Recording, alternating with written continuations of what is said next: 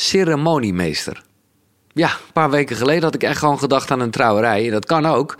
Maar nu denk ik bij het woord gelijk terug aan tijdloos. De spirituele camping waar ik afgelopen zomer was en waar ik zoveel geleerd heb. Ja, sowieso krijg ik heel vaak de vraag de laatste tijd: eh, wat heb je allemaal geleerd van de eerste twintig uh, koekeroes? Ja, te veel om op te noemen. Maar ik heb op vele verzoek wel eventjes een overzicht gemaakt. Een e-book wat je gewoon gratis kan krijgen via koekeroe.nl slash grootste lessen. Dus kukeru.nl slash grootste lessen. Een ceremonie is een ritueel. Een cacao-ceremonie kan het zijn of een rapé-ceremonie. Dat onderga ik in de komende minuten. ik was gelukkig in goede handen. We gaan even terug naar de wereld van Tijdloos met Joris en Remco. Ja, ik kom in een wereld die uh, voor mij ook heel nieuw is. En zo gebeurde er net alweer iets hier op het podium. Dat ik denk, oké, okay, dat was een mooi ritueel. Want het voelde heel warm, dat zagen jullie ook. Ik heb uh, twee broeders hier naast elkaar zitten. Of althans, het zijn geen broers. Maar zo voelt het denk ik wel voor hun.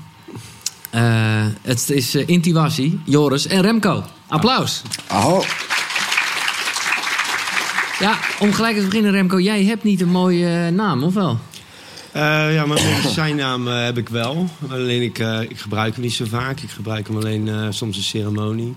En dat is een naam die is al heel lang bij me. En die heb ik als kind gekregen. En dat is Jedi Ray. Jedi Ray. Ja.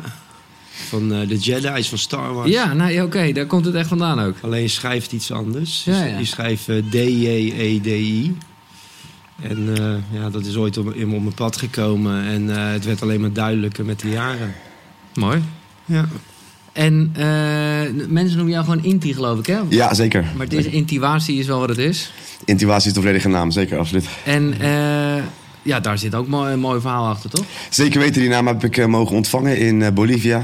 En daar is het een vrij voorkomende naam. Inti Taita is de zonnegod in het Quechua. Quechua is de taal van de Inca's. En toen ik daar op reis was voor een jaar lang... Um, kwam die naam echt top. Maar dat voelde gelijk helemaal van wauw, dat is hem gewoon. Ik ben echt ook echt een zonnekind zelf. En om dan, ja, Inti, dat, dat voelde helemaal als mijn spirit name. Ja. ja. Eerst even nieuwsgierig, wat, wat, hoe kennen jullie elkaar? Um, ja, eigenlijk uh, door uh, hetzelfde soort leven waar we lopen. En we kwamen elkaar elke keer tegen. En dan was het elke keer uh, heel tof als we elkaar tegenkwamen. Dan zeiden we, ja, we moeten een keer afspreken. en dat duurde echt jaren. Tot het moment daar in tijd was dat wij bij elkaar moesten komen. En dat stroomde toen als een malle. Dus daar ben ik heel dankbaar voor. Nee, oké. Okay. Ja. Mooi man. Echt, ja. uh, nou ja, de liefde spatte vanaf. Jullie hadden dus net hier op het podium al gelijk een soort ritueel. Zoals, maar dat misschien heb ik een vertekend beeld omdat ik hier ben. Maar zo, zoals het lijkt alsof het een, jullie een mooie aaneenschakeling van mooie rituelen en ceremonies hebben. Mm, yeah. Wat echt fijn voelt. Um, maar laten we even gewoon per persoon naar het begin gaan. Hoe je dan hiermee in aanraking komt. Want ja, uh, ik, dan, dan, laat ik gewoon even beginnen. En dan zal ik je voor de rest gewoon intuïtie noemen. Maar uh, Joris was gewoon... Dat mag je me ook zeker noemen, broeders. Absoluut. Wat zeg je, sorry? Dat mag je ook zeker zeggen tegen me, Joris. Die ja, naam nee, nee, maar, ik, die hoor ik ook, ja. Ik wil eerst gewoon eventjes naar toen je gewoon nog een Jorisje was. Laat ik ja. uh, hoe, hoe, ja, hoe kwam je in aanraking hiermee? Met, met, met nou ja, een fascinerende leer, heel erg uit, uit Noord-Centraal, Zuid-Amerika. Ja, um, op mijn 15e, 16e heb ik, uh, is mijn lichaam een beetje aangegaan. Toen iemand mij daarover vertelde, over chakras, eigenlijk over energieën en dat soort dingen. Toen ging mijn lichaam een beetje aan, gelijk al van wauw, wat is dit? Gaan onderzoeken. Lekker jong. Ja, zeker. Echt op jonge leeftijd al. En uh, nou, dus dan gaat dan beetje voor beetje natuurlijk in het begin, niet zo heel snel. Uh, toen heb ik op mijn 17 of 18 heb ik Reiki 1 gedaan. En dan gaat er nog meer open. Dat je nog meer dingen gaat stromen in jezelf. En dan, dan komt er nog, ja, dan ga je iets openen in de wereld van bewustzijn, spiritualiteit. En daar kwam ik ook shamanisme tegen. En uh, native, native people, inheemse mensen, indianen zoals we ze hier kennen. Maar die naam vind ik zelf Ja. niet heel passend. Maar, dus daar kom, en dat was gelijk, toen ik daar dingen over las en die muziek hoorde, was gelijk, wauw, tranen en helemaal thuiskomen. En ja, daar ben ik dus nog meer in gaan ontwikkelen en gaan onderzoeken. Ceremonietjes hier en daar wat bijgevoeld, wat workshops. En tot ik zoveel jaar later ehm, ehm, in Zuid-Amerika, daar is natuurlijk echt allemaal de verdieping in gegaan. Maar het heeft zich in Nederland natuurlijk allemaal van tevoren al eh, heel veel eh, bodem eh, gegeven, dit. Wat wanneer, op welke leeftijd ben je daar naartoe gegaan? Uh, toen was ik 27. Toen ben ik naar uh, Bolivia, Peru, Colombia, Ecuador gegaan. Om daar ook echt de plantmedicijnen te, uh, te ervaren. Ik voelde heel erg de roep het, van ayahuasca. Zoals -hmm. vele mensen dat tegenwoordig ook hebben. Ja. En dat was in 2011. En toen had ik echt zoiets van... Ik, ik had het al in 2007 of 2008 had ik al zoiets van... Wauw, dat ga ik doen. maar ik wou het ook echt in het land toe waar het groeit, waar het is. Waar de mensen er al eeuwen mee werken. Dus dat was voor mij, ik ga het pas doen als ik daar ben. En dat is ook zo gebeurd. En uh, diep in de jungle bij de Shipibo tribe heb ik daar twee maanden gezeten. En, uh, Zo. Ja, daar ga ik de diepte in gegaan met mezelf. En uh, ja, wauw. Nou ja, om dat gelijk te maken, want ik kan je niet overheen stappen zonder te vragen. Hè? De, de, het plantenmedicijn ayahuasca, hoe, hoe, ja, hoe zit je bevallen? Welke les leerde je? Nou ja, het, het was eerst toen we daar kwamen dat, dat die curandero, zo heette de, de shamanen daar... Ehm, Uh, dat hij zei van, nou, je komt uit het westen, dus je bent eigenlijk bijvoorbeeld al ziek. Want uh, je, bent, ja, je komt uit een westers leven, dus je bent verziekt. Ja, ja, dat snap zo. ik heel goed. Um, dus hij raadde, raadde aan om drie maanden te komen drinken elke dag. Ik had zoiets van, nou, laten we maar eens met drie weken beginnen. Oh, ayahuasca drinken, ja. ja, ayahuasca. En dan echt zes dagen in de week. Oké. Eén dag rust. Elke avond. Um, dus dat heb ik twee weken volgehouden. Toen ik zoiets van, ik moet even uit, uit deze setting het even allemaal integreren en uh, een plek geven. Maar het heeft me heel veel gebracht. Het heeft heel veel deurtjes geopend. Het heeft ook veel healing gegeven. Ook mijn oude trauma-stukjes van vroeger, zoals de scheiding van mijn ouders bijvoorbeeld. Daar kon ik echt heel veel, uh, ja, heel veel doorleven nog. Want hoe ik het ervaarde is dat je het opnieuw herleeft, je trauma. Ja. Dus je kan je trauma's opnieuw herleven. Dus dat heeft mij heel veel gebracht. Mooi. Ja. En, en, en is het moeilijk om dan daarna, na zo'n intense ervaring, inderdaad weer terug te gaan in die westerse wereld? Absoluut. Toen ik terugkwam in Nederland was echt een harde klap in mijn gezicht. Twee maanden nodig gehad om überhaupt weer hier dit te kunnen. Ja. Uh, ja dat het is heel, heel erg rechthoekig en, uh, en heel erg uit de mind voelt het hier. Daar zit wat meer, ja, wat meer uit het hart en wat meer uh, vloeibaar, Hmm. vloeiender. Dus um, ja. Maar goed, inmiddels heb je daar wel een beetje nou ja, je plekje in gevonden door dat uh, nou ja, wel mee te nemen naar Nederland. Absoluut, absoluut. Ik heb, ik natuurlijk een hele mooie tribe hier in Nederland ook opgebouwd. Waar? Dus mensen die net zo in het leven staan als ik, waaronder mijn broer hier. En, en dat houdt je dan een beetje uh, ja, op de been, laat maar zeggen. Want het is wel intens hoor, om te leven in deze wereld. Als je het zo anders voelt eigenlijk hoe het hoort te zijn. Voor mij dan, vanuit mijn hart, mm. vanuit mijn ziel is dat soms echt een uitdaging om altijd in die compassie naar iedereen te blijven die anders denken of die, uh, die een oordeel over mij hebben of noem maar op. Ja. Dus maar dat... even voor mijn idee, hè, want uh, voor de mensen die alleen luisteren, jij zit hier en zo ken ik je de afgelopen dagen ook echt helemaal top. Uh, ja, met een, ja, hoe zou ik het zeggen, met native kleding aan. Mm -hmm. veer in je hoofd, alles. maar op het moment dat jij gewoon even naar de appie gaat, hoe uh, loop je... Ja, hoe, hoe... En dan heb ik een tuinbroek aan en klompen. nee, nee, nee, nee, ja, zou kunnen, zou kunnen. Nee, nee, nee. Ja, precies. Nee, kijk, eh, een aantal sieraden die ik hier draag, dat is echt zo ceremonieel. Dus dat draag ik alleen maar met ceremonies. Dit jasje ook alleen met ceremonies. Maar bijvoorbeeld mijn kleding voor de rest, dat draag ik wel Nee, altijd. precies. Ik heb geen spijkerbroek in mijn kast Nee. hangen. Nee. En, en ook gewoon, ja, ik, ik zit daar gewoon ook steeds meer aan te denken. Maar Nederland is niet echt het land qua schoonheid. Altijd blote voet ook? Niet altijd blote Oké. voeten. Ik heb het al een tijdje gedaan. Dat ik zoiets had van, wauw, ik moet echt, ik wil echt super helemaal... eh, ja. ja. precies. Maar dat is toch wel uitdagend in Nederland. Nee, precies. Oké, Remco, en dan jouw verhaal. Eh, je- je- hoe ben jij eh, in aanraking gekomen? Ehm, ja, als, als kind had ik al het idee dat er iets niet klopte. En eh, ja, aan de hand daarvan ben ik me eigen gaan verdiepen in onze, in onze wereldgeschiedenis. En vooral in oude beschavingen en culturen. En deze oude beschavingen en culturen hadden een totaal andere werkelijkheid dan eh, de werkelijkheid die wij vandaag de dag voor onze ogen zien. En eh, ja, op een gegeven moment ben ik naar Egypte gegaan en eh, naar de tempels daar. En toen ik daar aankwam, had ik echt een ontwaking. Egypte, oké. Ja, daar ben ik naartoe gegaan. Ook gewoon omdat ik al, daar al mee bezig was. Maar op een gegeven moment voelde ik ook echt dat ik erheen moest. En dan ben ik daarheen gegaan en had ik echt een ontwaken. En toen ben ik teruggekomen in Nederland. En dan ben ik negen maanden ziek geweest. Elke dag overgeven. En dat was in mijn beleving van de werkelijkheid, deze wereld die in mij zat. Je was gewoon letterlijk ziek van, van de westerse wereld waar je eigenlijk in ja, opgegroeid was. ja, dus ik negen maanden overgegeven. Mijn moeder zei van het is dat je geen vrouw bent, anders zou ik zeggen dat je zwanger was. en dat was ik ook, want ik was zwanger van een nieuw soort leven. En eh, toen ben ik geboren als kunstenaar. En toen heb ik, eh, ja, 13 jaar lang heb ik kunst gecreëerd van oude beschavingen. Voornamelijk de Maya's en de oude Egyptenaren, Azteken, Nazca's. Mhm. En allemaal van die zonnestenen gecreëerd. Met allemaal van die hieroglyphen erin. En dat communiceerde met mij op een bepaalde manier. En toen eh, zeiden mensen op een gegeven moment tegen mij van... wil je er niet wat over gaan vertellen? En toen had ik zoiets van, no way. nee, ja, echt niet. Ik dacht dat ga ik niet doen. Maar Spirit dacht er anders over. En toen ben ik op een gegeven moment eh, ja, ehm, eh, lezingen gaan geven, workshops om met een andere tijdsbesef te werken en zulke soort zaken. Ja. Ja. Ik heb er een klein beetje van mogen meepakken. Ik hoop daar straks nog wel eventjes een, een, een stipje eh, van te krijgen, een flartje. Maar Ja. hoe, hoe, hoe heb je al die wijsheid tot je genomen dan? Nou, het is meer herinneren. Dus oh, zo, zit- het, het- zit het- gewoon echt in je. Het is echt herinneren. Ik, eh, ik vond ooit een keer een boek en dat is het einde van de gestolen tijd van Peter Tonen, een Nederlandse schrijver. En toen ik dat boek las, toen had ik echt zoiets van, wow, eindelijk iemand die het opgeschreven heeft. En toen heb ik hem ook gelijk gecon- gecontacteerd en gezegd van, dat ik heel dankbaar ben dat Oh, hij je die gast gelijk gecontroleerd. Ja, zeker. Ja, Oké. dat, dat, hij, eh, dat hij het allemaal heeft opgeschreven. Hoef ik dat niet meer te doen. maar dat was gewoon, ja, het is meer herinneren. En het is, eh, ja, die, die culturen die, eh, ja, die waren zo hoog ontwikkeld in hun bewustzijn. En eh, dat zijn we eigenlijk een beetje kwijtgeraakt hier in de westerse wereld. En al die beschavingen waren ook animistisch. En animistisch komt van het woord anima en dat betekent ziel. En die mensen waren een onderdeel van hun omgeving. En wij voelen onze gescheidenheid van onze omgeving. Mhm. En dat is een totaal andere werkelijkheid dan de werkelijkheid die wij nu voor onze ogen zien. Ja.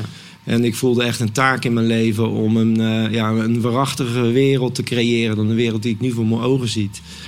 En dat doe ik door middel van dit en door middel van ceremonies. En eh, ja, om dit uit te dragen. Nou noemde jij net al even je moeder. Eh, ben ik bij jullie alle twee geïnteresseerd in. Hoe, hoe reageert de omgeving erop? Want ja, eh, die hadden je misschien eh, liever in een pak in Amsterdam-Zuid. eh, weet ik niet, maar...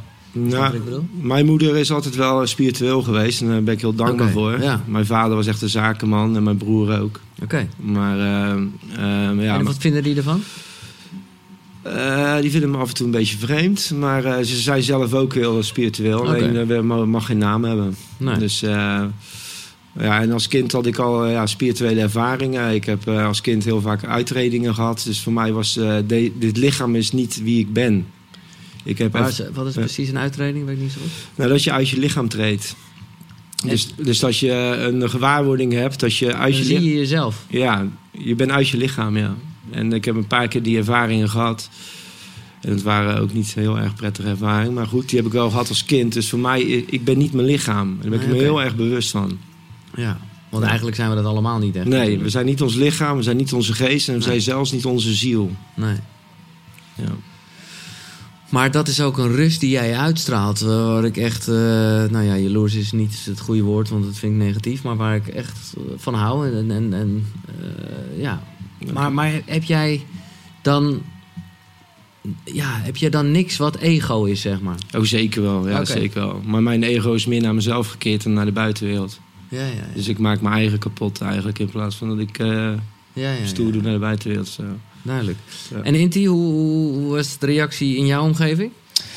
Nou ja, goed, ik eh, ben eh, altijd was al een beetje een extreem persoon geweest in dingen. Dus ik heb vroeger ook echt eh, tien jaar lang Die Hard Gabber eh, zien ervaren. Ja, oké. En, en, en dus mijn moeder was al een beetje gewend met van... oké, dit is geen doorsnee jongen. Nee. nee, en het, en, maar dat, het hele mooie van is... dat de bewustwording bij mij ging ook echt samen met de gabbertijd. Dus het was bij Gabber Indiaan was ik mijn naam. En er zitten nog een paar oude gabbermatties hier in het publiek. Dus eh, die weten heel goed eh, hoe dat zit. Maar dus, dus mijn moeder was al een beetje gewend. En ik heb een oudere zus die ook al veel heeft gereisd... en ceremonies deed in Mexico. Dus ze was wel een beetje al voor... Eh, oké. ja, ja, en dus nu eh, vindt ze het super tof wat ik doe. Ze gaat er niet zo heel diep in mee. Ik merk wel dat ze er interesse niet zo heel diep in ligt... om te vragen van hoe was het dan echt? En. Ja. Maar ze, ze ziet dat ik er zo gelukkig van word. Dus en dat kan ze echt... eh, ja, dat, dat doet hij heel goed. ja. Dus, en ik eh, moet eerlijk zeggen, eh, ik vind het dus ook helemaal niet zo'n hele grote stap. Dat was wat mij in het begin van de house heel erg aansprak. Ik heb nooit, eh, ben nooit kaal gegaan of zo, maar ik was, ging wel echt naar die feesten en zo toe. En ergens, als je het hebt over een tribe, Aho. Ja toch? Absoluut. Absoluut. Absoluut. ook. Absoluut. Ja. Gabber betekent ook vriend. Hè? Dat is Ja, waarom ik me aangetrokken voelde. Is dat je dan met z'n allen... Ja, ik voel me nooit echt helemaal thuis in die maatschappij. Dus dan is dat mooi. Die, die is toch een beetje zich afzetten tegen die maatschappij wat mij. En dan toch dat eenheid. Ja, Ja, dat en trok met z'n echt- allen united, met, met die beat. en die beat is ja. ook eigenlijk een shamanentrommel. Weet je. Je, bent- Precies. je gaat in trance, je gaat springen met elkaar. Ja. Je gaat, ja, energie. Nee, dus vandaar ook dat jullie, eh, nou ja, ook wel... hey, Jullie zijn niet voor niks hier. eh, hè, dat, dat- er is Mm. ook wel echt een connectie ontstaan met iemand als IDT, of met, met Wouter wil ik eigenlijk zeggen, maar IDT. Ja. Absoluut. Remco is van de eerste lichting gabbers. Want dat is ook weer zo leuk. Ik bedoel, eh, Ja. hij, ja, we hebben zoveel, zoveel synchroniteit. En, eh, dat we, maar dan, hij is een tien jaar ouder. Dus hij is van de eerste de Het is jaren wel 90. grappig, want het is dan wel echt... daarna heb je dus, ben je dus ook nooit meer naar de kapper gegaan. Ja, klopt, ja. Ja, ik, ik, ik was, ik was vroeger... gewoon eh, een paardensluit. eh Ja, klopt. Ja. Ja, ik heb vroeger echt alle soorten kapsels gehad. Ik was ook eh gapsel. Ik, eh, ja. Alle, alle, alle, mijn vrienden kwamen naar mij toe om hun hoofd te laten scheren. Want ik deed er al leuke figuurtjes in en zo. En ik heb een beetje alle soorten kapsels gehad. En toen dacht ik van, nou, nu laat ik het groeien. Ja. Dat eh, steeds zo. Jullie doen dus ehm, allemaal ja, ceremonies. Ik, ik, ik, ik weet wat het is hoor, maar ik vind het gewoon zoiets moois hebben. Ik weet niet, wat is, wat is de definitie van een ceremonie eigenlijk? Eh, voor mij is de definitie van de ceremonie het eh, leven eren. Ja, En eh, ceremonie is een heilig moment. Maar eigenlijk is heel ons leven één grote ceremonie. Elke dag is ceremonie. Dat zijn we Mhm. alleen een beetje vergeten. Maar in ceremonieën worden we weer aan herinnerd hoe sacred en hoe heilig dit leven is. En eh, ja, dat doen we door middel van ceremonie. en eh, werk, ik werk persoonlijk werk heel veel met klanken. En dat vind ik heel mooi. Want klanken, ja, wij zijn allemaal trilling en vibratie in deze ruimte. Mhm. En door eh, klanken te produceren met die oude instrumenten die daar ook ooit voor ontwikkeld zijn, ja, kan er heel veel heling plaatsvinden. En dat Ja. is heel mooi. En dat, eh, ja.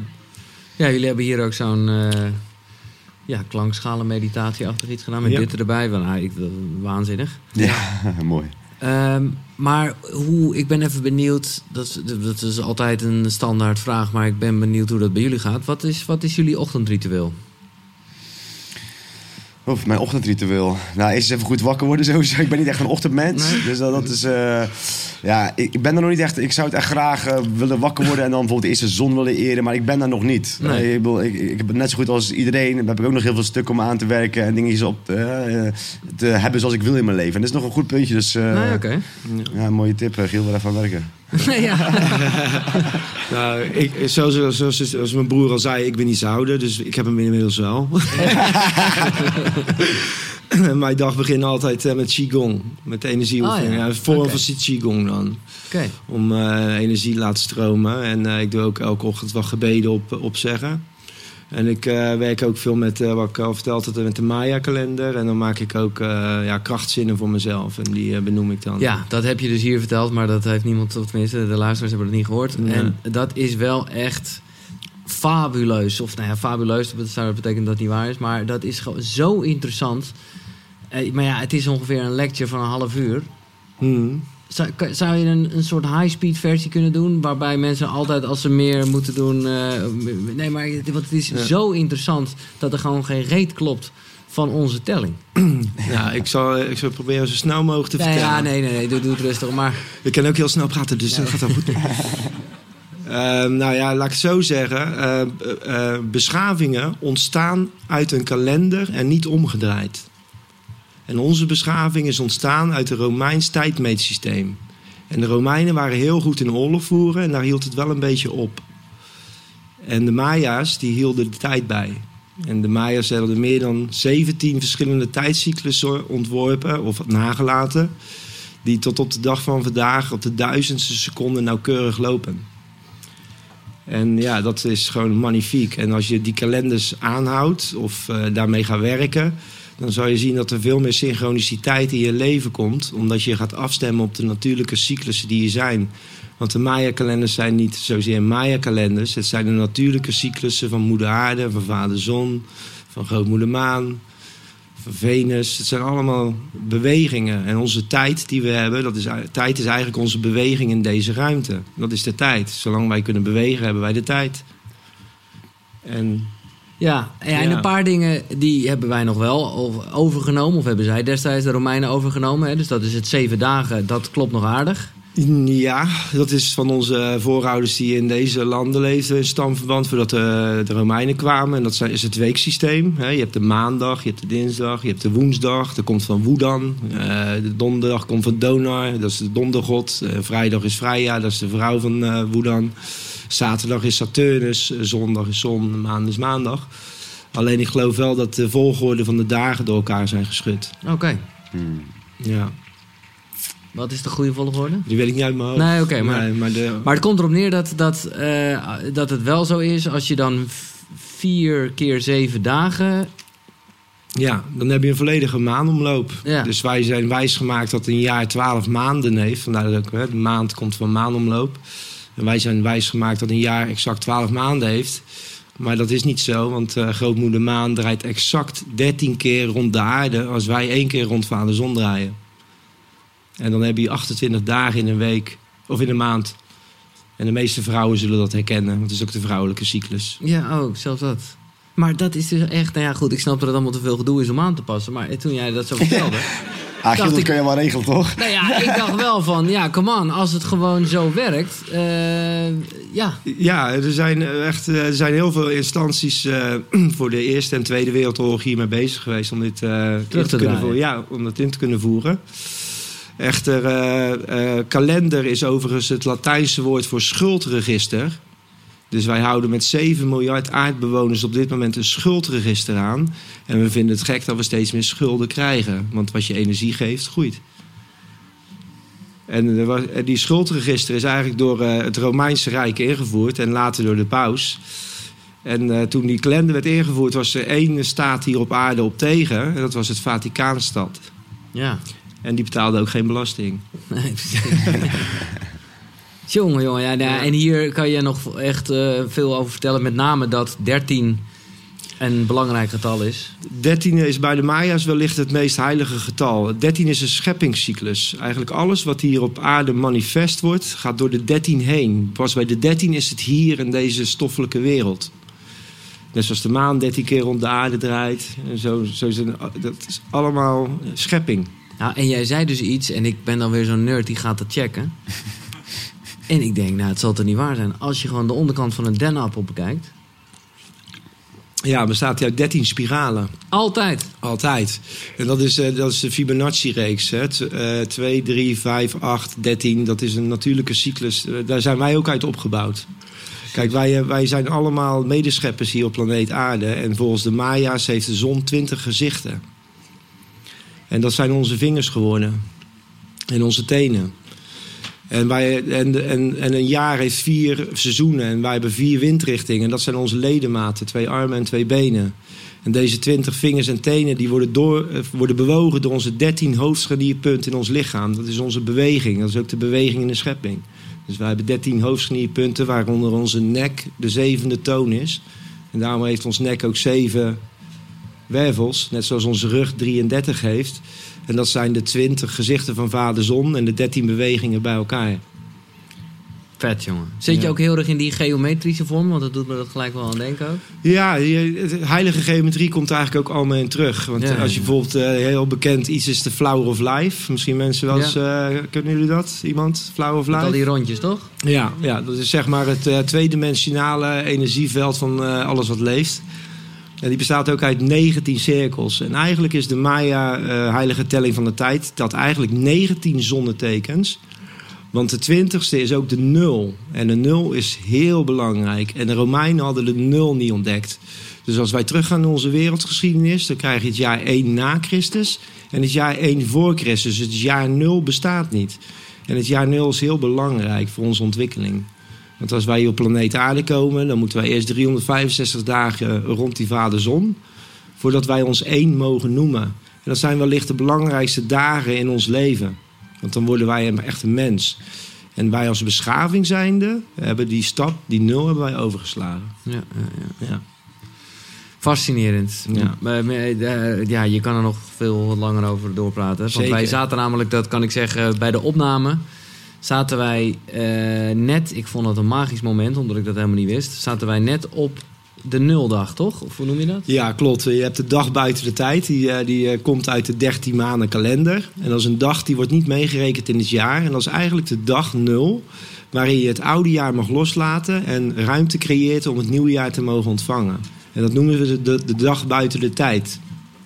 21 juli.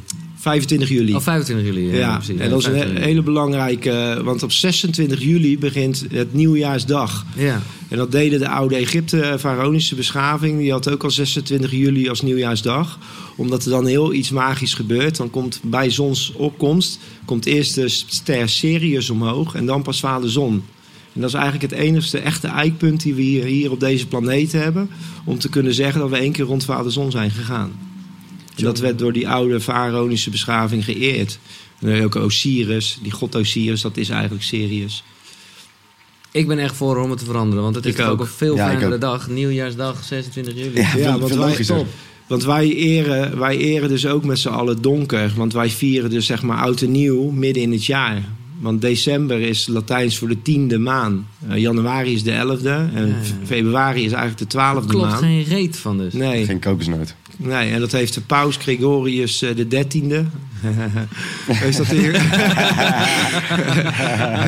heeft dat ingevoerd eh, op 5 oktober eh, 1582 na Christus. En als je toen naar bed ging, dan werd je op 16 oktober wakker. Want toen werd de kalender hervormd. Gewoon ineens. Oh, wow. Ja. Dus dat kan wel. Ja, Kan- toen werd hij hervormd, ja. Ja. Onder, en Nederland is geloof ik pas in de 18 of eh 18e eeuw overgestapt op eh, deze telling. En, de, en het is ook maar pas wereldstandaard. Hè. Het is nog heel kort, in de vorige eeuw, geloof ik in de jaren 70 of zo, toen pas werd deze telling globaal. China die is pas in 1950 overgestapt. En China is in die 50 jaar meer veranderd dan in die 5000 jaar daarvoor. En niet in de positieve zin. En dat komt dat hun ook die handelskalender aannemen. Ja, maar god, jongen, als morgen alle iPhones een andere telling hebben, dan is de helft van de wereld. eh ja, werkt al zo.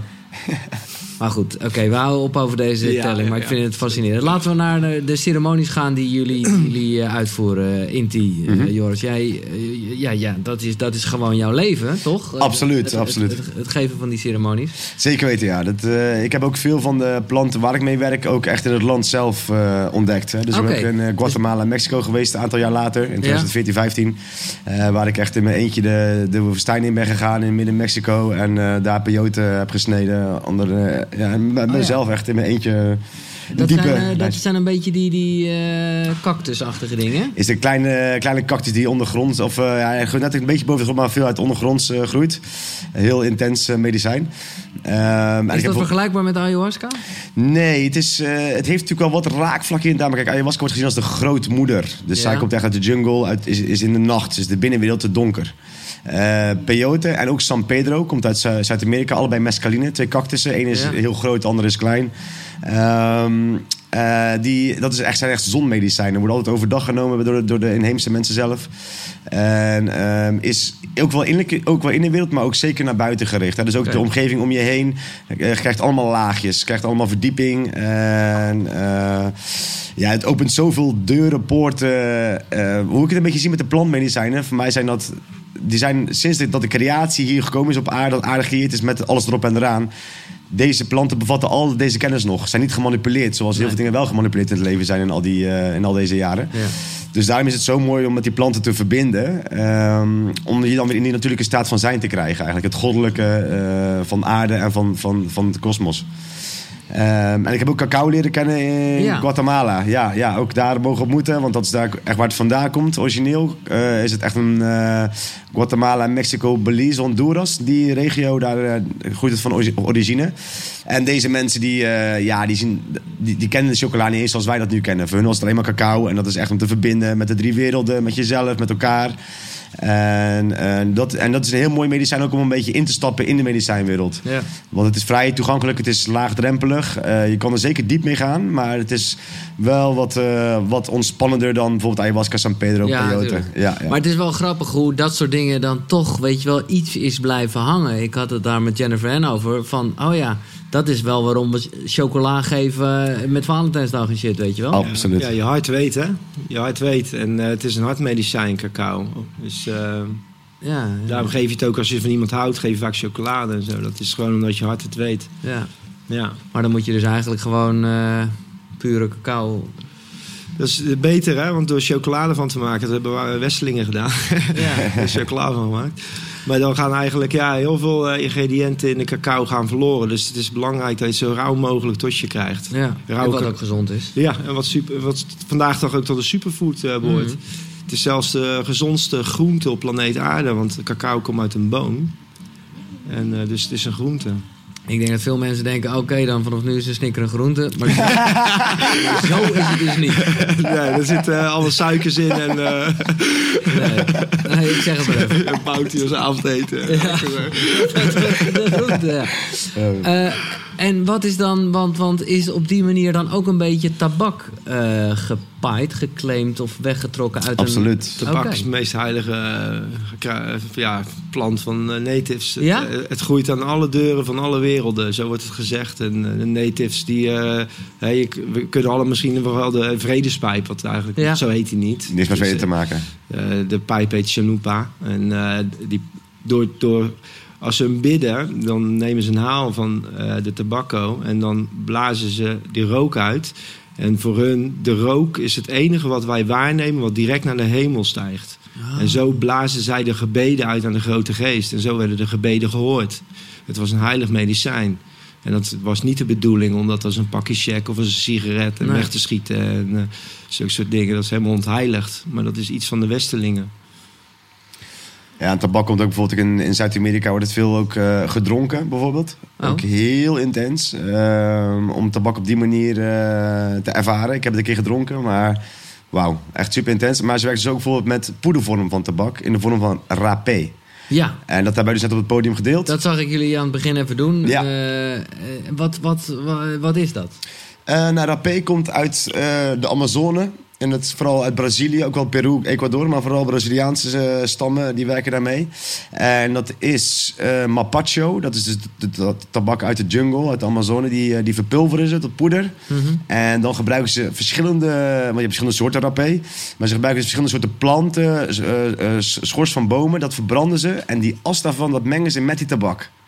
Oké. En, ehm, Maar is het, even voor mijn idee, want ik, Ja. voor mij is tabak natuurlijk automatisch slecht. Maar is dit dan minder slecht?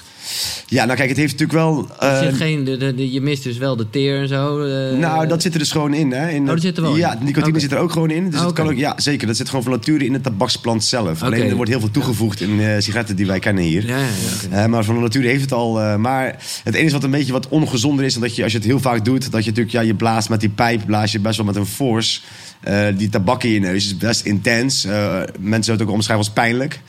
Ehm, dus dat is, ja, als je het heel vaak doet, dan is het natuurlijk voor je synaps, zul je zien, eh, is dat misschien niet heel, heel gezond na heel lang Nee, maar gebruik. je moet gewoon nooit dingen Ja. te vaak doen. Alles wat je te veel doet is gif. Ja. Dus eh, behalve Maar- tequila. Nee, nee, nee. alleen tevreden. Tevreden, dat was hem, ja. Maar is, want ik vroeger, toen ik echt rookte, weet ik nog wel, dan ging ik heel stoer, eh, ging ik op een gegeven moment snuiftabak eh, gebruiken in de klas. Dan kon je dat dan doen. Maar dat is, dit is wat anders, Delft, denk ik. Ja.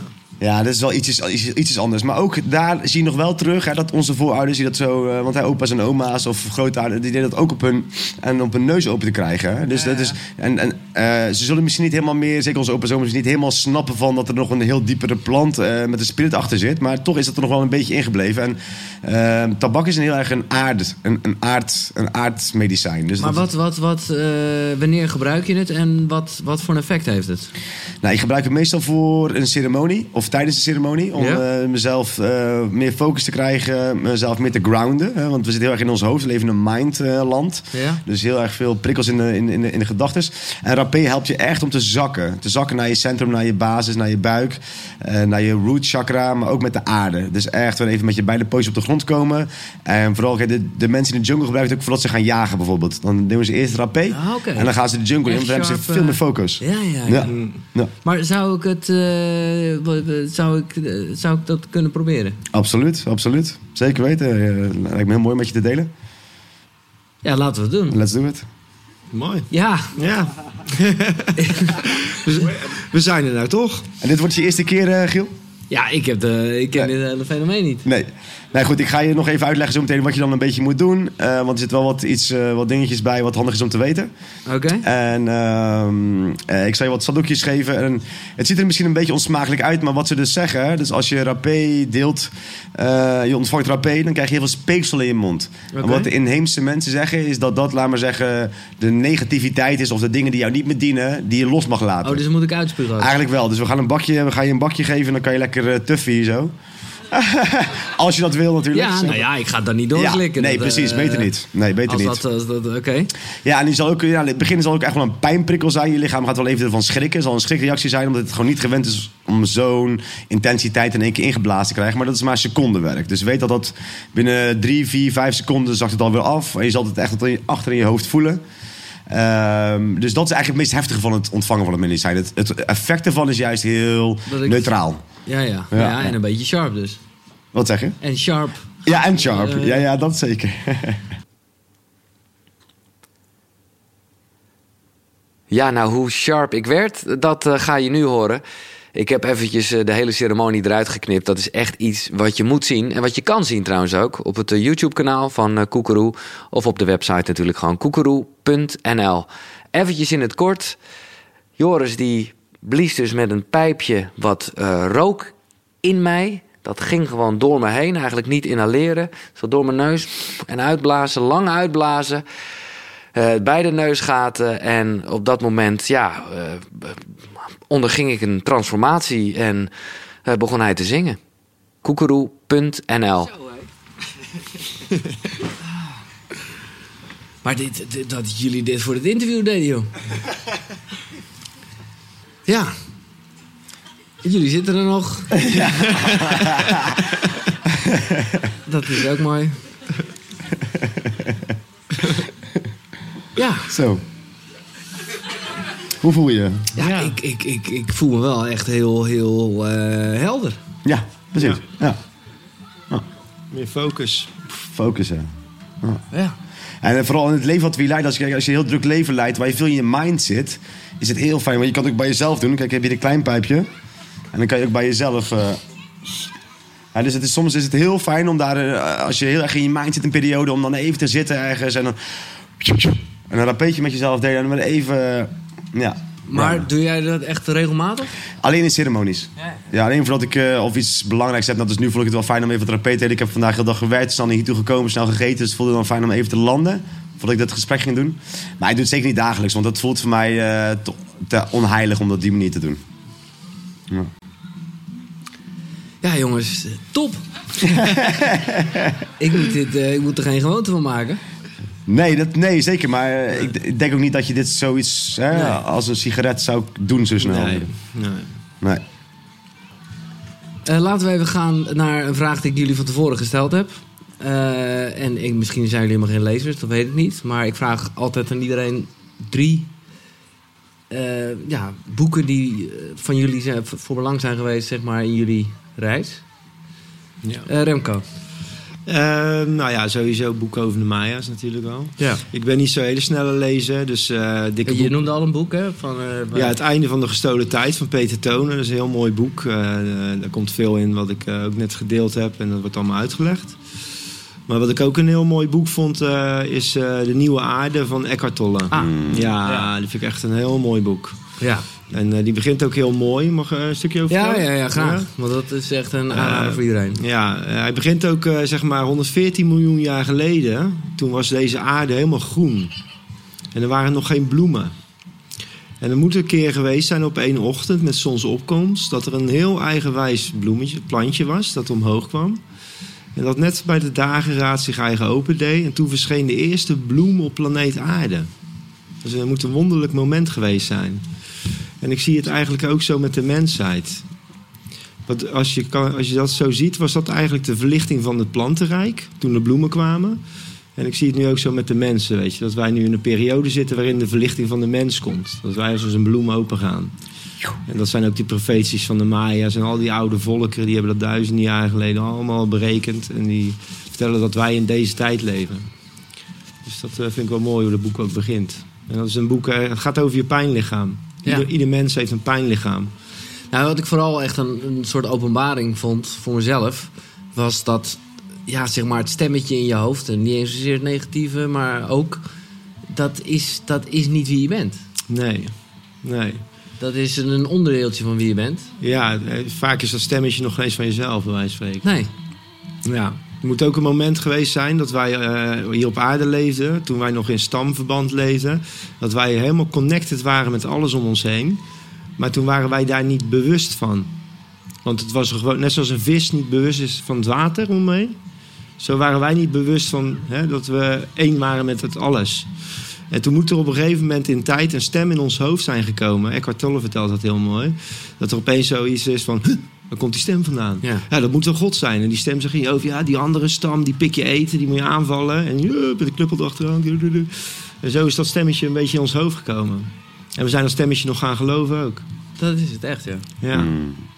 En dat is allemaal tot doel geweest waarschijnlijk om ons eh, op een bepaalde toestand te krijgen. Dat we op een gegeven moment connected zijn met alles om ons heen, maar dan bewust, wetend. In plaats van onbewust. Hmm. Ik denk dat dat het idee is van het stemmetje in Ja. ons hoofd. Heb je nog een derde boek? Een derde boek. Ehm,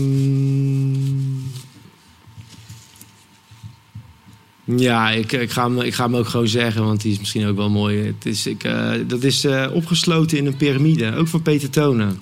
Oké. Ja, dat is, een, dat is een nieuw boek. En dat, eh, ja, als je dat nog niet weet, dan is het best wel een shocking. En nou komt ook weer de Egyptische... ja, hij gaat, eh, dit, in dit boek gaat hij 13.000 jaar terug in tijd. En toen is er wat gebeurd hier op planeet Aarde. Ja, Oké. Ja. Nou, ik eh, voeg hem toe aan, eh, aan, aan de bibliotheek die eh, nou ja, steeds breder wordt. top. Eh, welke boek heb jij, eh, Inti? Nou, ik zou je zeggen, ik ben niet echt een boekenlezer. Ehm, ik heb echt heel veel boeken eh, wel. Ook gehoord van mijn tante, die ook echt allemaal de meest gave boeken heeft. En over alle dingen waar ik helemaal geïnteresseerd in ben. Maar op een of andere manier doe ik er niks mee of zo. Dus ik heb al mijn kennis wat ik heb door, wat ook Remco zegt, weer het herinneren van wie je bent. En door het zien. Ik heb wel één boek gelezen, wat, ik nou, wat die, die, me een beetje, die me nu bijstaat, is Sprookje van de Dood. Echt best wel een eh, liefdevol kinderlijk boek, maar over hoe een, hoe een ziel naar, naar de aarde komt. Een dun boekje ook, eh, maar dat is, ja, ik heb daar echt uh, wauw, tranen gelezen. Echt super mooi, zoveel herkenning gevoeld in het boek ook. Dus eh, Sprookje van de Dood. Hm. Ja. En, want kijk, dat gevoel dat wij, nou ja, gewoon onderdeel zijn van alles en iedereen. En met alles bedoel ik dus ook inderdaad de natuur en zo. Is dat iets, ja, wat jullie, wat jullie zeg maar de hele dag voelen? Of, of Mm, Nou, nee, ik zit ook heel vaak eh, ook nog wel in de afscheidenheid en zo. Ja. In de angst en zulke stukken heb ik echt nog. Hoor. Dus dat, eh, ik ben er echt nog niet in dat opzicht.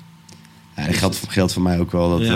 eh, ja, weet je, het is, we zitten natuurlijk ook nu echt in een kantelpunt. Eh, Ja. De tijd waarin we nu leven is echt super bijzonder. Eh, ik ben daar al heel lang mee bezig aan Remco natuurlijk ook. Om te kijken van nou, wat voor wereld leven, wat voor macht en krachten zijn hier. wat gebeurt er allemaal? En, en, en deze tijd, de Great Awakening wordt je ook wel genoemd. Ja, wauw, dat we hier als zielen bij mogen zijn, dat is echt bijzonder. Echt super bijzonder. En ik voel dat we echt naar een...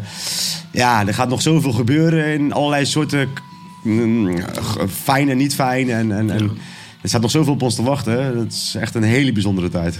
Ja. Maar hoe, eh, als je dit zo zegt, dan, dan moet ik toch eventjes... eh, nou ja, het hele COVID-19 corona-verhaal even noemen. Ja. Mhm. Hoe, hoe, hoe staan jullie daarin? Ehm, nou, het hoort er allemaal bij. Maar eh, ik zie het niet als een hele gevaarlijke ziekte die ons aan het uitroeien is. Zo zie ik het niet.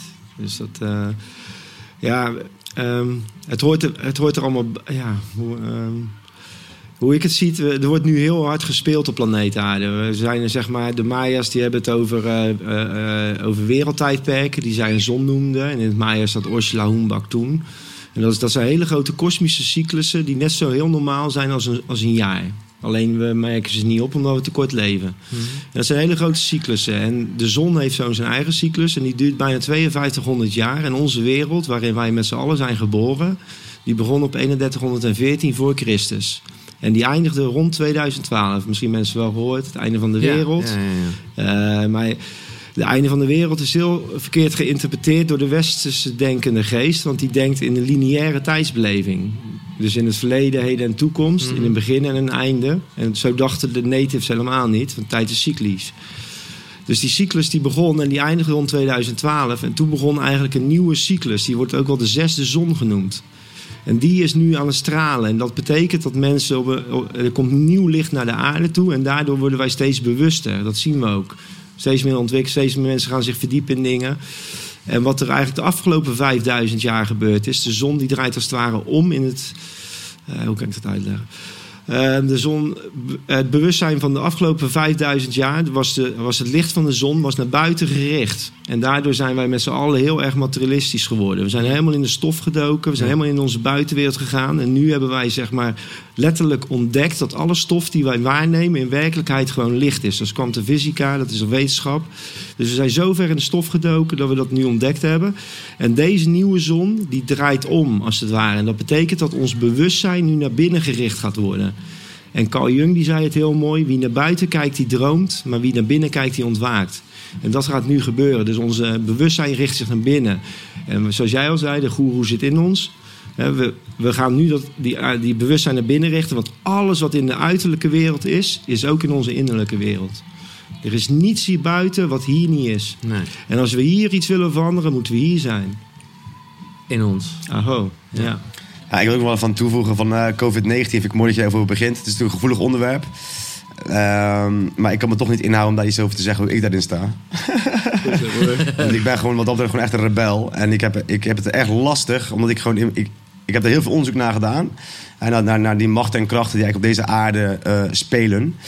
En, ehm, en ik kan het zo duidelijk voor mezelf zien dat we echt ja, een bepaalde kant op worden gedrukt. eh, wat echt intens is, lieve mensen. En, en, en, en, en, dat is, en dat virus is een heel mooi platform voor hun om te doen wat ze willen. Eh, en natuurlijk, er is een virus, maar die was twee jaar geleden ook. Toen waren er 10.000 mensen dood gegaan. En toen hoorde je geen haan kraaien. Eh, en nu gaat de halve wereld op slot, of de hele wereld op slot, voor een virus wat... eh, natuurlijk is er een virus, maar dit is al zolang dat mensheid, mensheid bestaat, zijn er al virussen. Want het is ook gezond ook. Dat, weet je wel, de, de mensen gaan... sterk de- van, worden we sterk van. worden er sterk van als je niet. eh, het is een beetje zoals de natuur. Weet je, de survival of the fittest. De, de, de dieren die niet sterk gaan, die overleven het niet. En zo is het eigenlijk in de wereld gewoon bepaald. En dus dat we nu met z'n allen. Hè, we gaan dus eigenlijk mondkapjes moeten we gaan dragen. We gaan, het vaccin komt eraan. Ja, jongen, ik heb zoiets van. eh, dit, hier moeten we, hier moeten we een, een, een standpunt innemen met allen. En vanuit liefde en, en licht onze stem laten horen. Van ja, maar dit pikken we niet. Weet je. Onze vrijheid hangt echt aan een heel dun draadje. Dat is hoe ik het zie, dat is hoe ik het ervaar ook zelf. En ik denk dat het goed is dat we... Heel veel mensen hebben behoefte aan een, liefdevol, een wereld vol liefde en harmonie. En dat is alles wat er, behalve wat er wordt gecreëerd. Dus ik denk dat het goed is dat we... Ja, net als nu hier op Tijdloos. Ja, ik vind het geweldig omdat je hier gewoon even uit die gekke matrix stapt. Ja. Ja, dus dat... Ja, en ook die anderhalve meter economie. Wij zijn, wij zijn, eh, wij zijn, wij zijn mensen die. eh, wij, wij hebben een samenleving. We hebben geen apartheidleving, toch? Dus die samenleving, wij moeten elkaar kunnen aanraken. Dat is zo gezond. Ja, we moeten Ja, je- minstens één keer Het mag een vertekend beeld eh, geven op de camera. Wij zitten hier natuurlijk eh, ruimschoots anderhalve meter eh, naar de- Zeker, ja. zeker, we- ja. Je hebt die, uit die ruimte ertussen uitgeknipt hier zo. Ja, ja, ja, anders was het zo raar. Ja, Giel. Ja. Maar ergens dus staan jullie er wel heel positief in. Is dit misschien wel gewoon een soort... Ja, bijna een soort stuiptrekking? Ja, kijk, het is net zoals je een hand zand neemt. Je neemt een hand zand in je hand en je gaat knijpen. Dan zal je zien dat al dat zand tussen je vingers gaat eh, uitkomen. Dat gebeurt nu met de mensheid. En dat is waarschijnlijk nodig voor de Great Awakening. Want als we het goed hebben, als, we het, als, we als het maar door blijft sukkelen zoals het was, dan wordt niemand wakker. Nee. Dus het is eigenlijk is het een blessing. En het is ook nog zo dat ze, ze doen altijd unspeak, noem ik dat. Ze gaan altijd dingen gaan ze anders noemen dan dat ze zijn. Bijvoorbeeld corona. Corona is eigenlijk het etherisch lichaam van vader zon. En die kan, kunnen we alleen maar waarnemen als er een volledige zonsverduistering is. En door, dat, door die ziekte corona te noemen, geven wij onbewust geven wij, zeg maar, een energie uit dat de zon slecht is. Terwijl de zon eigenlijk degene is die alles laat groeien en bloeien op deze prachtige planeet. En zo doen ze het elke keer. Ze geven een terroristische organisatie geven ze de naam ISIS. Ja. ISIS is de moedergodin. Ja, maar ik vind het altijd lastig als je het dan heel erg hebt over zij. Ik kan me bijna niet voorstellen Nee. dat er gewoon mensen echt dit bewust deze game Nee, ik denk dat je mens, in mensen Nee. termen moet denken. nee, ik, ken het, ik ken het woord niet uitspreken, broer. eh, Spiegelpaat. eh, psychopaat. Spiegelpaat. Ook zijn, sommige man. mensen zijn spiegelpaten. En eh, ja, dat, die, hebben, die hebben geen geweten. En, eh, die, ja, en helaas zitten die vaak op eh, cruciale punten in onze samenleving. Maar Maar wat ik bedoel, ik, dat we de- die Great Awakening, hè, dat heeft echt alles te maken met wat we nu meemaken met, die, met wat, wat, ze, ja, wat ze proberen over ons heen te leggen. Want de Great Awakening, dat is iets wat al heel lang bezig is. Hè. Dit is al vanaf de jaren 60 al bezig. Dat kun je wel zien, dat die hippie eh, movement, was dat, dat, dat was vanaf toen al bezig. En dat is alleen maar nog meer geworden. En deze mensen die aan de, aan, aan, aan, aan de thuis trekken, weten donders goed dat als ze hier niks aan doen, dan zitten we daar met z'n allen helemaal verbonden, helemaal connected. En gaan we dat nieuwe bewustzijn. En dat zijn ze aan het tegenhouden. Het is Dat altijd, zul ik het zien. Ja, het is, op aarde is er altijd een strijd tussen licht en donker. En dat donker heeft eh, de afgelopen 5000 jaar flink huis gehouden. En die wil deze macht niet opgeven. Dus ze zullen alles uit de kast trekken om ons nog net voordat die, die, over, die omschakeling Mm. is... om ons te laten struikelen. Om ons te, eh, in, een- in een soort angstvangnet te krijgen. Want als we in angst zitten, dan, dan verlagen wij onze trilling. Ja. Wij zijn eh, energetische wezens. Maar dat is dus ook hè, wat ik hier wel vaker gehoord heb al, dat we gaan naar die nieuwe dimensie. Absoluut. Ja, zo kan je het zien, denk ik. Ja. Zeker. eh, veel hoger bewustzijn. En eh, ja, het hangt, alles hangt om bewustzijn. Kijk, je, bent pas, je kan pas iets waarnemen in deze uiterlijke wereld als je ervan bewust bent. Als je niet bewust bent, kan je het niet zien. Nee. En er is, nog, er is nog zoveel te ontdekken. hè. Want volgens de wetenschap hebben wij maar vijf, sommige wetenschappers zeggen 1% bewustzijn. De rest is onbewust. Dus er is zo'n grote wereld te ontdekken. En we lopen echt vast nu met alles. Ja. Maar Dus hoe- de, de ja. bekende ijsschots, van, eh, de, de, de st- het stukje wat buiten het steekt, dat, dat Ja. is wat we kennen. en Wat ja, we nu ja, ja, en er zit zo'n groot stuk Ja. onder. En daar liggen allemaal mogelijkheden. Maar ja, zolang wij maar onze kinderen opvoeden volgens dat systeem en volgens die manier van denken, ja, dan, dan blijven daarin vasthangen, denk ik. Ik denk dat het gewoon ja, open-minded mensen moeten zijn. En eh, nou, wat je al zegt, je hebt zelf dan ayahuasca gedaan. Daardoor ben jij totaal anders in de wereld gaan staan. Hmm. En dat zullen heel veel mensen. Kijk, zo zien wij dat ook. Die plantmedicijnen, die zijn. De ayahuasca komt uit de Amazone-oerwoud. De Amazone-oerwoud die staat onder ongelooflijke druk door onze manier van leven. Het wordt massaal gekapt. Die plant is super intelligent. Die plant is gewoon zelf hier naar Europa gekomen. om ons Westelingen weer te leren wie we zelf zijn. It's a blessing for a sick world. Ja, blessing voor een sick world. Ja. En de cacao niet anders. Cacao is een hartmedicijn. Die leert ons weer naar ons hart toe te gaan. Alle planten, als je nu kijkt hoeveel ceremonies er zijn in Nederland alleen al.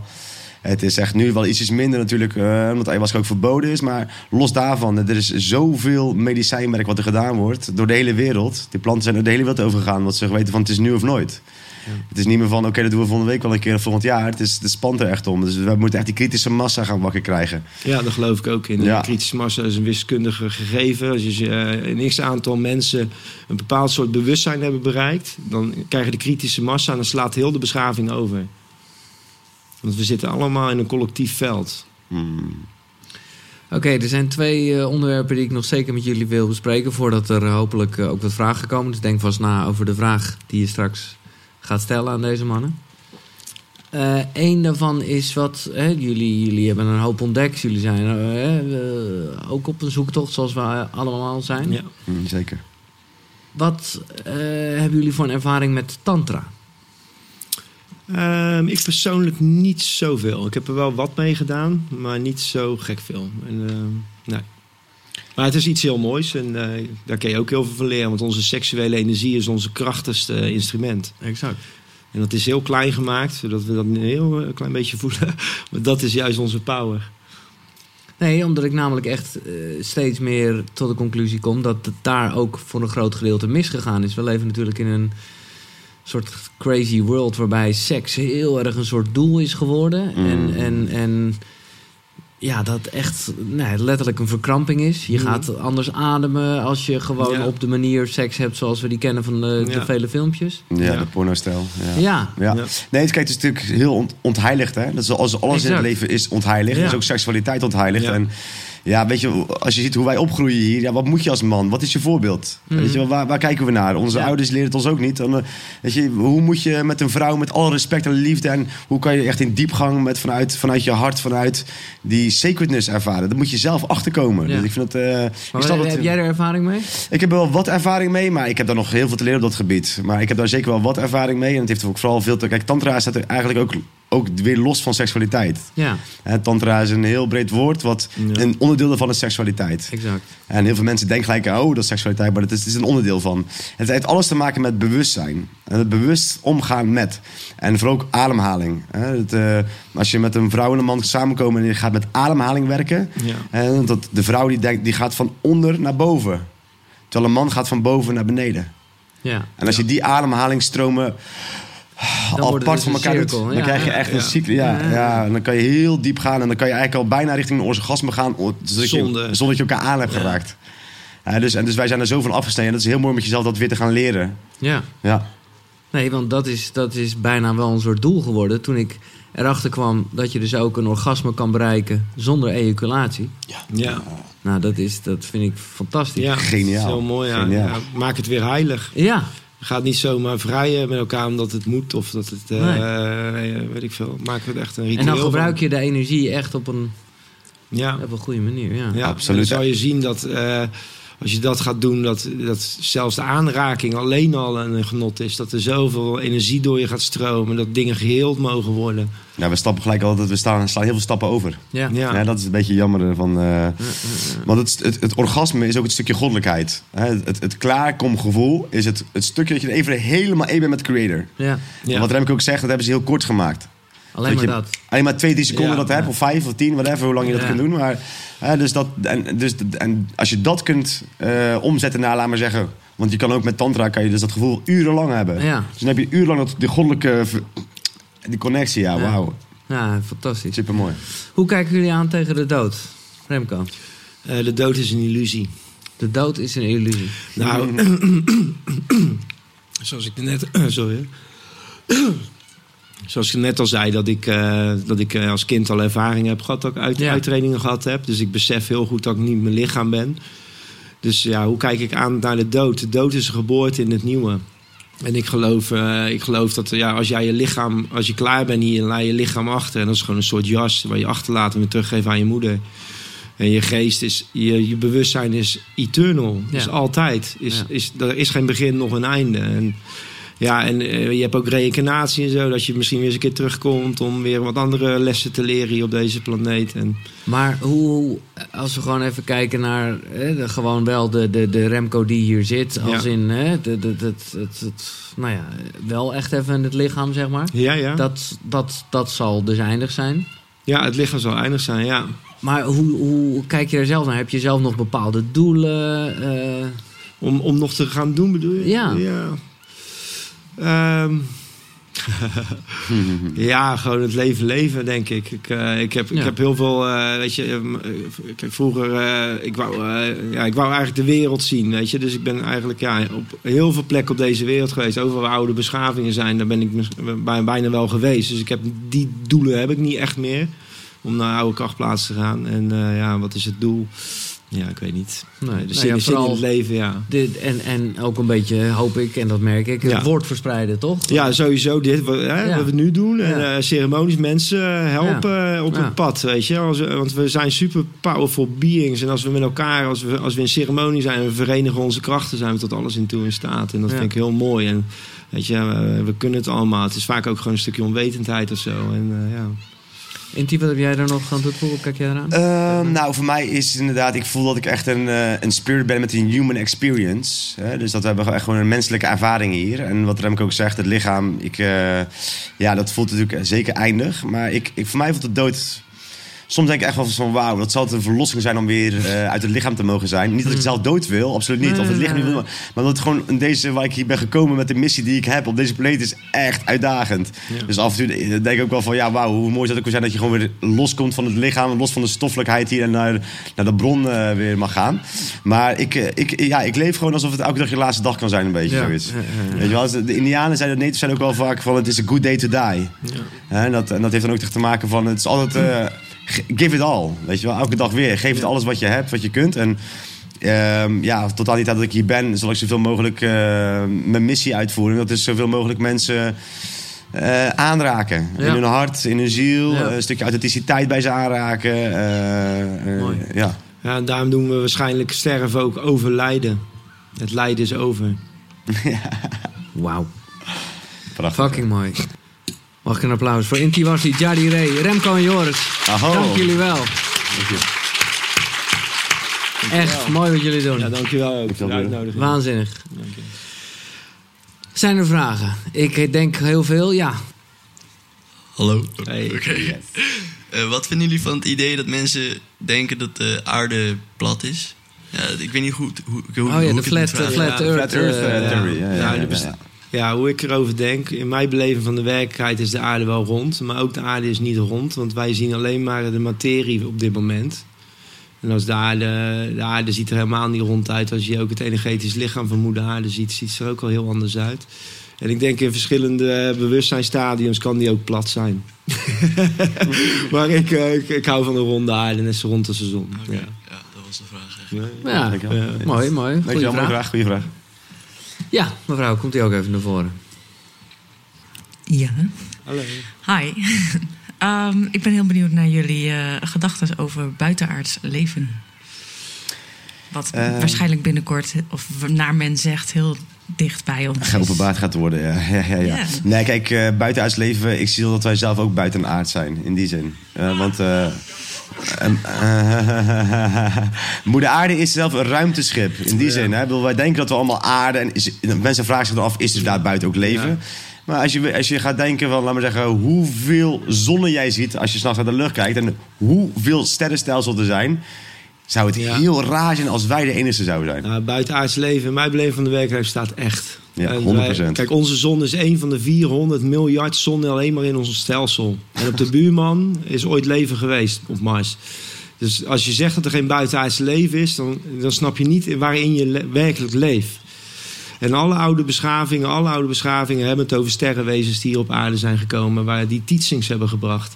Want die teachings van de Maya's, die, die kunnen absoluut niet op een. Er is wel eens onderzoek gedaan van eh, één zo'n kalender van de Maya's te berekenen met de dingen die zij hadden. Dat is gewoon onverklaar, dat kan gewoon niet. Dus er is heel veel kennis naar de aarde toegekomen, in mijn beleving al door, door eh, andere, eh ons ons sterrenfamilie. En het is ook nog natuurlijk zo, wij zijn maar 1% of 5% bewust. Misschien staat er nu wel een alien naast je, maar die zijn in een hele andere frequentie dan dat wij kunnen waarnemen. Je niet. Bijvoorbeeld een dier, er zijn dieren hier op aarde die zien, die zien eh 20, 30 keer zoveel als wij nu zien. Wij kunnen maar drie kleuren zien als mens. En daarmee maken wij deze werkelijkheid op. Stel voor dat je 60 kleuren kan zien, dan zie je misschien allemaal wezens lopen hier. Nou ja, en voordat mensen denken, oh, er zitten twee gekkies daar op de bank. Eh, nee, nee, ja. Ik vind het altijd een mooie gedachte dat eh, André Kuipers, nou ja, dat is toch, hoe wetenschappelijk wil je hem hebben? Die zegt precies hetzelfde. Hè? Die Ja. zegt ook van, het is een utopie of een utopie. Het is gewoon Ja. onzin om aan te nemen Ja, dus dat er geen ander leven het is is. een heel goed boek van eh, Koen Vermeeren. Dat is een eh, hoogleraar van TU Delft. En Toch die- nog een derde boek, hè? Ja, die, die schrijft UFO's bestaan gewoon. En die heeft daar heel veel onderzoek naar gedaan. En er is eigenlijk al heel veel naar buiten. Er is al, Ja. weet je, het wordt alleen onder de dekmantel weer gestopt. Om, en je wordt belachelijk gemaakt als je als journalist er wat over schrijft. Dus daarom schrijft er niemand wat over. Want ja, als jij een artikel schrijft over een UFO, dan eh, word je niet meer aangenomen. Dan mag je niet meer. eh, Maar hoe denk jij er zelf over het feit Ja. dat je deze vraag stelt? Eh, er zijn heel veel, inderdaad, mensen van NASA bijvoorbeeld die dat eh, bevestigen. Ja. Vaarders, alle, bijna alle astronauten. astronauten. Ja. Bijna alle astronauten Ja. hebben gezegd. Ja. En ook eh, van de Apollo 11 missie, eh, Edgar Casey, die, eh, die zegt het zelf ook. En die heeft ook UFO's gezien. Ja. Hoe ik het ook een beetje zelf voor me sorry. Gewoon nieuwsgierig. Ja, ja, nee, heel goed. Hoe ik het een beetje voor me zie ook, hè, dat wat we nu mee te maken hebben hier op aarde... met die macht en kracht waar we het even over hadden... dat speelt zich ook af buiten ons. ja. Hè, dus er is ook echt een galactische oorlog bezig. En Ja. dit is, dat heeft ook weer te maken met wat hier gebeurt. Dus eigenlijk is een echt neerslag. Ja. Goed punt. Dankjewel. Mooi. Iemand anders nog? Ja. Hoe ziet jullie ideale wereld eruit? Oh. Dat is leuk. Goeie vraag, broeder. Ja, sowieso eh, in harmonie. In harmonie met onze natuurlijke leefomgeving. En dat is allemaal mogelijk. Er zijn eh, heel veel eh, andere manieren om onze energie te verkrijgen. Kijk, wij, wat wij nu doen hier op deze aarde... is eigenlijk de aarde uitputten om energie te creëren. Terwijl eigenlijk de zon, alleen al de zon... zoveel energie naar ons toestuurt... waar wij bijvoorbeeld één dag zonde... kunnen wij bijvoorbeeld een miljoen jaren energie voor opwekken of zo. Ja, er zijn technologieën voor, maar eigenlijk ja, er zijn nog steeds macht en kracht hier op aarde die, ja, als je dat nu in zou voeren, dan, dan valt het systeem. Ja. Want het is nog steeds een oliesysteem. Zo zie ik het dan. Dus ja, die, die, die nieuwe technologieën die worden gewoon tegengehouden. Ni- Ni- Nikola Tesla leefde volgens mij in welk jaar? Ja, Nikola Tesla, die man, eh, ja, die, eh, dat was een van de knapste koppen van de moderne wereld. En eh, die man die had al ja, vrije energie uitgevonden. Alleen zijn geldschieter was JP Morgan, dat is een bankier. Dat is eh, vandaag de dag ook een van de grootste banken op aarde, geloof ik. eh, Morgan Bank. Maar goed, dat was zijn geldschieter. Maar ja, eh, vrije energie, daar kon hij geen geld voor rekenen. Dus ja, dat, dat gaat niet op de markt komen. Het kan al lang. Het kan al... eh, Zo zie ik het echt. En die man was echt zijn tijd echt eh, heel ver vooruit. En eh, het is ook heel raar hè, dat we wel van Albert Einstein hebben gehoord. Een tijdgenoot van deze man. Maar bijna niemand heeft van hem gehoord. En dat is best vreemd, want hij heeft meer dan 900 patenten op zijn naam staan. En bijna alles wat wij vandaag de dag gebruiken om uit zijn creatieve geest... noemen onze mobiele telefoons. Hij heeft draadloze communicatie heeft hij ontdekt. Hij heeft wisselstroom ontdekt. Die man heeft zoveel dingen ontdekt, maar je hoort er heel weinig over. Nikola Tesla, zoek het maar eens op, heel Ja. interessant. En hij zei ook heel mooi, als je het geheim van het universum wil ontdekken, denk dan in termen van energie, frequenties en vibraties. En dat is wat we zijn. Ik wil nog wel even eh, mijn ideale wereld schetsen. Ja. dan wordt echt een feestje hoor. Sowieso zie ik me dan bijvoorbeeld zo'n plek als hier, dat met een grote pan wat chuma, dat wordt koken. Iedereen medicijn drinken. Nee, gekheid. Maar ehm, nee, inderdaad, volledig in, in die oude rituelen terug omarmen in deze nieuwe wereld. Hè? Dus ook, ook van, van onze voorouders die hier ook leefden, waren natuurlijk een bomenvolk. Onze voorouders waren de- connecten altijd met de bomen. Boom, the tree people. Nee, maar het is echt, hoe ik die wereld voor me zie, is dat we ehm, sowieso natuurlijk in harmonie en liefde, maar ook echt in bewustzijn en, en, en elkaar eh, ondersteunen. Dat we in communities leven, in tribe-verband leven. Dat we met alles zuinig omgaan, bewust omgaan, alleen maar nemen wat je nodig hebt.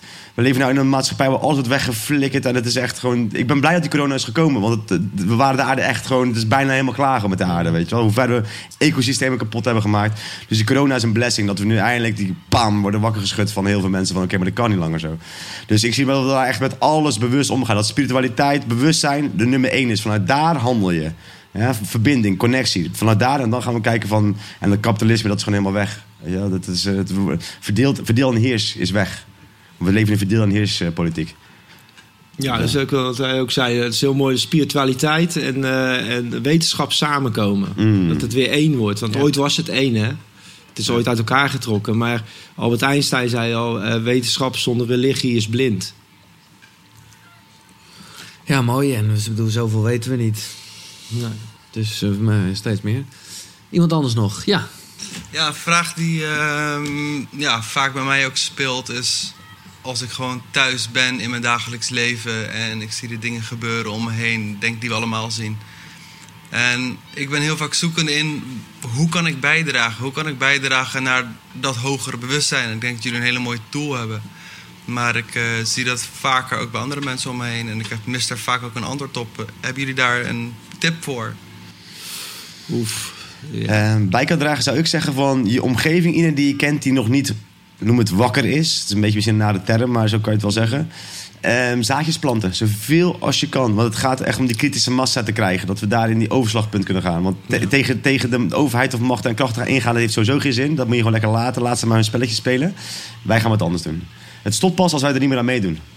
Zolang we blijven spelen in dat, dat spel wat hun eh, ons voorhouden, dan gaat het door. En ja, kijk, eh, dat is veel zo'n viruswaanzin. Ik vind die gasten echt top. Willem Engel en zijn kornuiten. Eh, ja, eh, toch ergens je stem laten horen. Zoals het voelt voor jou om naar het Malieveld te gaan komende zaterdag, moet je gaan. Snap je? Dat soort dingen kan ook bijdragen met. Maar het, het is... eh, los van dat, focus op die nieuwe wereld. Elke dag mediteren erop. Elke dag het realiseren, het, het manifesteren van die nieuwe wereld. Hoe, hoe zie je die voor je? Want we leven nu in een ongeschreven tijd. Hè? De zesde zon is geweest, 21 juni. Dat heb ik net verteld. Het gebeurt één keer in 5200 jaar. En dit hebben we nu net meegemaakt, 21 juni. Dat is heel bijzonder. En eh, dat kan je ook aan alles merken in de wereld dat het zo is. Dus ja, focus je vooral. Want ze willen je ook afleiden met alles wat ze die regeltjes en dingen. Dan ga je daar helemaal in. Ik ben er ook helemaal ingedoken. En dat je wordt er lamlendig van. Je wordt er echt helemaal... eh. Maar als je, dan weer, even- als je dan weer focus op een, van een ceremonie hebt gedaan... dan kom ik daar weer uit van... wauw, maar hier gaat het om, jongens. Die nieuwe wereld creëren. Daar je focus op leggen. Dat is de stip op de horizon. Dus vooral gewoon ja, zelf doen wat je zelf kan doen. Ja. Dankjewel. Ja, Dankjewel. mooi, dankjewel. Mooi. Ah, broeder. Meneer, u had ook een vraag. Ja. Hallo. Een vraagje voor, eh, voor Remco. Ehm, de Maya-zegels. Ik heb daar heel veel interesse in. Ik heb u al... ah, we hebben al even een praatje gemaakt. En, ehm, Maar praat me even bij, wat zijn de Maya-zegels? ehm, er, zijn ook, er zijn positieve zegels, maar er zijn ook negatieve zegels. Wat zijn En- zegels? Ja. Eh, nou, de Maya's hebben zeg maar twintig eh, zonnetekens of zonnezegels achtergelaten. Dat zijn de gezichten van de zon. En dat zijn eigenlijk een soort archetypische krachten die op aarde zijn. En in de kosmos. Zo kan je het wel een beetje zien, denk ik. Ja, mijn, ehm, mijn vraag is eigenlijk ook van... Er zijn ook veel negatieve zegels geplaatst door eh, kerken en instanties. En het zou misschien fijn zijn moesten we met z'n samen allemaal positieve zegels kunnen plaatsen. Nou, dat eh, zou, lijkt me ook wel leuk. En ik, eh, ik maak ook zelf zonnezegels van steen. dus misschien is dat een idee om op die plaats eh, iets eh, achter te laten dan. Ja, oké. Ja. Weet je jouw eigen zonnezegel, broeder? Alblieft? We- Weet je jouw eigen zonnezegel? Eh, ik denk wel. Eh, hij is geboren onder eh, Ik. En Ik is het tweede zonneteken van de Maya-kalender. En dat is de witte wind. Wordt ook wel geest genoemd of, of de bezieling van het leven. Want alles begint met de adem. En de adem is eigenlijk de levensvonk. En daar is deze jongen onder geboren. En daarin is hij ook een inspirator naar anderen toe. Hij kan het woord van de spirit goed vertalen. Hij kan er ook zijn werk van maken. Dat heb je al gedaan. Ja, dat klopt. En eh, Ik, ik denk dat het vooral eh, belangrijk is dat mensen bewust worden van de, de, de leilijnen, hè, de aarde-energie, dat daar ook nog heel veel manipulatie op zit. Waarom leven mensen bijvoorbeeld altijd in een, een gedachte van armoede of, of, of geen bewustzijn? En dat bewustzijn komt ook omdat er heel veel zaken geblokkeerd zijn op de aarde. ja. En dat is ook wel een heel mooie tool om daar met z'n allen aan te werken, om die energie weer vrij te laten stromen. Mooi. Ja, Ja, absoluut. ja. er is een hoop werk te doen. Dat is echt veel werk. te doen. eh, kijk eens, we we need you all, we need you all people, everybody. we hebben een heel leger hier zitten. Ja. Ja, we zijn op de goede weg in ieder geval, toch? Ja. Ja. Ik, ging, eh, ik heb misschien nog een kleine mededeling voor de mensen. Eh, krachtplaatsen zijn, zijn echt wel plaatsen die je kan voelen. En je kan ook op deze plaatsen energie voelen en opladen. Maar er zijn ook plaatsen die niet goed voelen. En dan is er heel veel werk. En het lijkt me wel fijn als we allemaal met z'n samen kunnen mediteren. Of eh, die plaatsen allemaal weer lichter kunnen maken. Want het is ook gewoon nodig. Ja. Het is hard nodig. Dus- Misschien een idee, mocht je hier eh, weggaan van dit terrein. Hier in Drenthe er staan 52 hunnebedden. Dat zijn- Die staan ook op die eh, krachtplaatsen. Dus eh, misschien mooi om daar eh Ja, die de terugweg even langs te rijden... en een mooi gebedje te doen voor een betere aarde. Kunnen we allemaal. Mm. Of bij jou thuis. Ja. Kan ook. Dankjewel. Duidelijk. Eenmaal, andermaal, ja. Nog eentje dan, Giel, af te eh, leren. Giel, weet je jouw zonnezegel? Denk ik niet, hè? Nee, ik heb geen idee. Dat gaan we... Eh, eh, ook, als je eh, dat- witte wind. Witte wind ook. Ook witte Wind, wind. winterwind. Ja, ja. Oh, goed. Ja, ik ook. Dus wij ook. Oké. Jullie nice. hadden het over eh, dat de zesde, ma de zesde zon was ingegaan in 2012. Ja. Nou, dus Ja. we gaan... Ja. Nou Ja, ja. ongeveer Nou, wel, ja. Maar was dat dan niet een heel groot feest of zo? Eh? Nou, mensen dachten juist ik dat eh, de de- aarde toen... eh, hè, dat het Ja, de mensen, kijk, er was gezegd dat de aarde zou- of de wereld zou vergaan in 2012. Maar de Maya's, eh, die hebben nooit gezegd dat moeder aarde zou vergaan. En dat is heel wat anders dan de wereld. De wereld is datgene wat er in de afgelopen periode hier op aarde gemanifesteerd is. Die we- liep ten einde. En we zagen het eigenlijk al in 2008, toen vielen de banken om. En waar, draait onze wereld om? Om geld. Dus eigenlijk was toen de oude wereld al ingestort. En toen hebben ze allemaal valse constructies omhoog gezet, waardoor die weer verder ging draaien op die manier. En eh, ja, wat de Maya's en, eh, voorspeld hebben, of berekend hebben, dat vind ik een veel mooier woord. Dat eh, de zesde zon gaat schijnen. Dus eigenlijk, als je ook naar die oude culturen luistert, dan zeggen ze ook vaak grootvaderzon en vaderzon, grootmoeder aarde en moeder aarde. En dat zijn die cyclussen. Dus grootvaderzon die is ondergegaan en dan komt vaderzon. En zo gaan die cyclussen door. Er staat een nieuwe vaderzon aan de hemel. De zesde zon wordt die genoemd. En dat is ook het begin van een hele grote andere cyclus. Dat is de precessiecyclus van moeder aarde. En dat is een cyclus van 26.000 jaar. Want die vijf zonnen, die zijn samen een cyclus van 26.000 jaar. En dat is de precessiecyclus van moeder aarde. En die komt Plato al. Ze ook wel eens een platonisch jaar.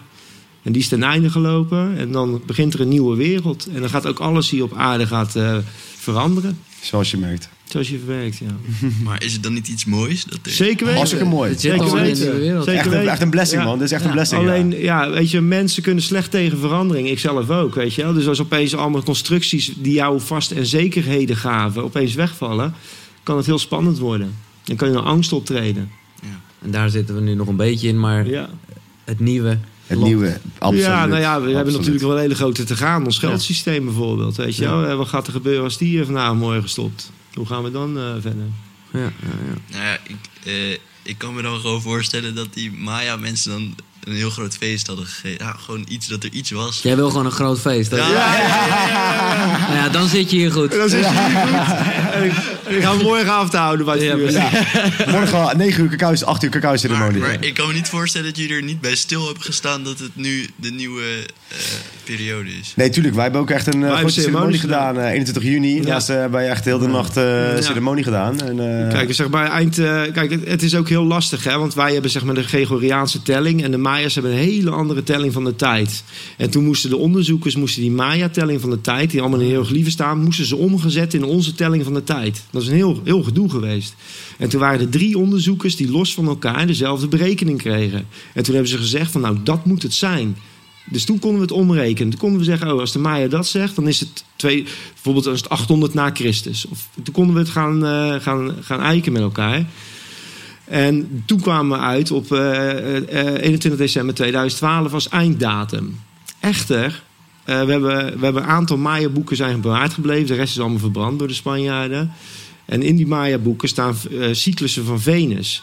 En als we via die correlatie, eh, die eh, berekeningen maken, dan kloppen die Venus-berekeningen niet.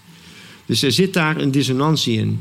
Dus of het nou 2012 is, of, of tien jaar later, of tien jaar vroeger, of, dat is een beetje in het midden. Maar wat de tolteken zeiden, dat is ook een heel oud volk uit Midden-Amerika. Die zeiden dat met deze zonsverduistering van afgelopen 21 juni de zesde zon volledige heerschappij nam. Dus als het ware de vijfde was nog een beetje aan het ondergaan. De zesde was er al. Maar vanaf 21 juni, door die zonsverduistering, is de zesde zon in heerschappij gekomen. Dus nu straalt er eigenlijk een nieuwe zon in onze hemel. En dat is ook wel heel interessant, want in 2009 stonden kranten vol mee dat de astronomen riepen: de zon is dood. Ik snapte er niks van. De zon deed zo raar. Het heeft gewoon in de kranten gestaan. En dat was ook zo. De zon was aan het doodgaan. En er is een nieuwe zon geboren. Het is tijd voor een feestje, broer. Ja, precies. dat zou ik zeggen. Nogmaals, eh, dank voor jullie aandacht. Dank voor deze heren. En een applaus voor wel. jezelf. Aho, dankjewel, Giel. Echt top. Leuk om dit her te beleven, zeg. Ik was er weer even helemaal tijdloos. Nog vele opnames heb ik daar gemaakt. Eh, je gaat het allemaal zien. Misschien wel een sneak preview als je even je e-mailadres achterlaat via koekeroe.nl. Als je dit kijkt via Facebook, YouTube, dan doe je een duimpje omhoog. Eh, via iTunes een recensie achter en een paar sterren zou top zijn. En als je dit via Spotify beluistert, eh, ja, dan kan je het eh, delen. Via je Instagram bijvoorbeeld. Tag me eventjes, dan vind ik het leuk om ook jou even te laten shinen. En zo wordt de club van Koekeroekie steeds groter. En dat is echt aan het gebeuren. Echt waanzinnig, al die hartverwarmende reacties. Dit was hem voor dit keer. Tot de volgende. Zonnegroet. Hoi.